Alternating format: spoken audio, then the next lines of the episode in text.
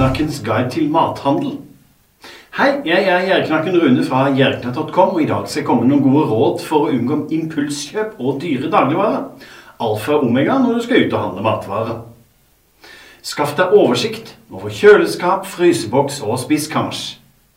Det viktigste er å planlegge. Skaff deg oversikt over kjøleskapet, fryseboksen og spiskammers og skapene dine. Hva har du der? Hva mangler?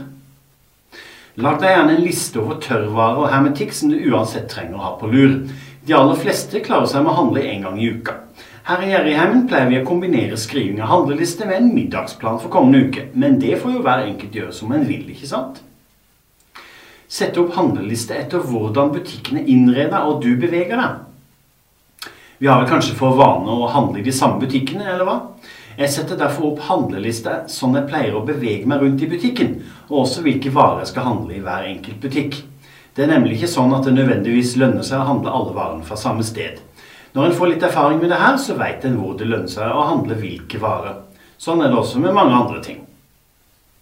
Sjekk tilbudsaviser og apper hvis du har. Forresten, jeg kikker nesten alltid i tilbudsavisene, enten i papirformat, eh, fra postkassa eller noe sånt, eller i diverse apper på mobilen, for å se om det er supre tilbud på noe spesielt. I tillegg har jeg appene til f.eks. Meny, Coop og Spar og sånn, og sjekker om de har noen gode kupongtilbud. Men sånne tilbud og kupongkjøp de må jo passe inn i planlegginga. Jeg kjøper ikke noe fordi jeg egentlig ikke trenger det, bare fordi det er billig. Sørg for at du ikke er sulten. En ting er å skrive handleliste før man stikker av gårde på butikken. Jeg sørger alltid for at jeg ikke er sulten eller tørst når jeg skal handle. Det endrer aldri godt hvis det rumler i magen. Da ender det heller opp med noen søtsaker eller bakvarer som ikke var nødvendig. Og har du unger som skal være med på butikken, det billigste er å unngå å ha dem med. Bør du iallfall sørge for å dytte i dem noen brødskiver, alternativet blir i tilfelle resten i brødskjæremaskinen, eller oppskåra frukt som mange butikker har liggende fremme.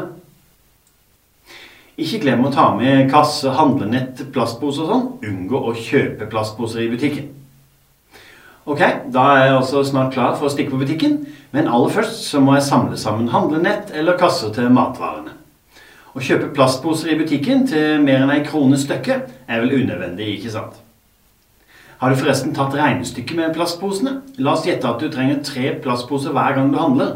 Det blir kjapt flere hundre kroner i året, men sannsynligvis bruker du betraktelig mer på de her unødvendige posene. Og nei, det går an å kjøpe andre søppelposer. Da er det på tide å kjempe seg gjennom butikkene, og her gjelder det å være fiksert på eh, handlelappen. Det er selvsagt lov til å kjøpe noe annet dersom du kommer på at det mangler hjemme, men ikke tenk 'oi, det hadde vært deilig å lage', eller 'oi, det hadde smakt godt', eller 'nå vil jeg unne meg noe ekstra'. Da er du på ville veier. Butikkene bruker sleip psykologi.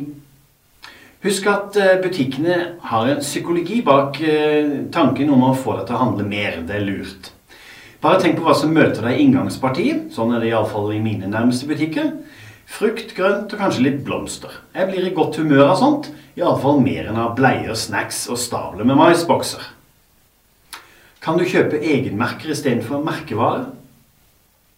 Det lønner seg å ha litt god tid når man skal handle stort en gang i uka. Særlig hvis du ikke har erfaring med å spare penger på matvarehandelen. Kan du kjøpe egenmerker istedenfor dyre merkenavn? Fins det First Price eller Rema 1000 egenmerker eller Coop egenmerker du kan kjøpe istedenfor de dyre merkene? Noen produkter sier det seg sjøl at det ikke spiller noen som helst rolle, f.eks. grønnsåpe, bomullspinner osv. Mens når det gjelder andre egenmerker, er du avhengig av å smake og bli vant til noe annen smak. Men det går vel an? Men du har kanskje fått med deg f.eks. Matkontrollen på TV 2, som en gang viste at billigmerkene ofte produseres av de store merkeprodusentene. Det er samme greia, bare i en annen innpakning. Dyre varer er lette å finne. De billigere er vanskeligere tilgjengelig. Et annet psykologisk triks butikkene bruker, er at de dyreste varene gjerne plasseres sånn at de er i øyenhøyde og lette å få tak i. De billigste varene innenfor samme kategori er ofte plassert på mindre gunstige plasser, f.eks. helt nede ved gulvet eller høyt oppe sånn at du må strekke deg. En ordentlig gjerdeknakk tar derfor ikke tak i første og beste vare han ser, det er jo det butikken vil, men bruker øynene både opp og nede i hyllene for å se om det finnes en tilsvarende vare til en gunstigere pris. Kryp gjerne. Skeie ut med varer til nedsatt pris. En ting der du med fantasi kanskje kan skeie litt ut, er når du finner varer til nedsatt pris, f.eks. halv pris. Butikkene har blitt flinke til å la varer som går ut på dato ligge i hyllene, eller samle dem på et sted, og prise dem ned. Det kan du dra fordel av. Tenk alltid over om dette er noe du kan fryse ned. Det er utrolig hva man kan fryse ned og tine opp igjen. Eller om du kan kaste om på matplanene i dag eller i morgen, fordi kjøttdeig, fiskekaker eller noe annet godt er sterkt nedprisa. Men her må du ikke la deg lure. Mange butikker plasserer ut handlevogner hvor det ser ut som produktene er nedprisa. Det kan være produkter som ikke er populære nok til å forbli i sortimentet, eller har litt skade. Men det er altså ikke banna bein på at de faktisk er billigere. Ikke tro at logikken stemmer. Store pakker og refill. Det er i det hele tatt mange feller du kan gå i når du handler. La meg ta et eksempel. Du har planlagt å kjøpe en liten pakke bremykt. Men i butikken kan det faktisk være mye mer lønnsomt å kjøpe den store pakka. Kanskje den store til og med billigere enn den lille. Ikke tenk at du har ikke bruk for den store, men tenk heller kan jeg fryse ned den andre halvparten? Det funker bra med f.eks. smør og margarin. Det samme gjelder refill. Du er kanskje så snill å tenke litt ekstra på miljøet. Men faktum er at snillismen har kjedene fått med seg. Ofte er refillposen dyrere enn å kjøpe et helt nytt produkt. Kampen for å komme seg gjennom kassa uten impulskjøp. Den siste bøygen på handleturen kjenner de fleste. Det er fortsatt sånn mange steder at du er nødt til å navigere deg gjennom godteavdelingen for å komme til kassa. Eller så er godteri strategisk plassert rett ved kassa. Hvor mange ganger har selv ikke jeg slengt noe godt på båndet bare fordi det var i nærheten. Med små unger er det en sann utfordring å komme seg gjennom kassaområdet. Her gjelder det å være knallhard. Få med deg alt av bonuser, rabatter osv. som er mulig.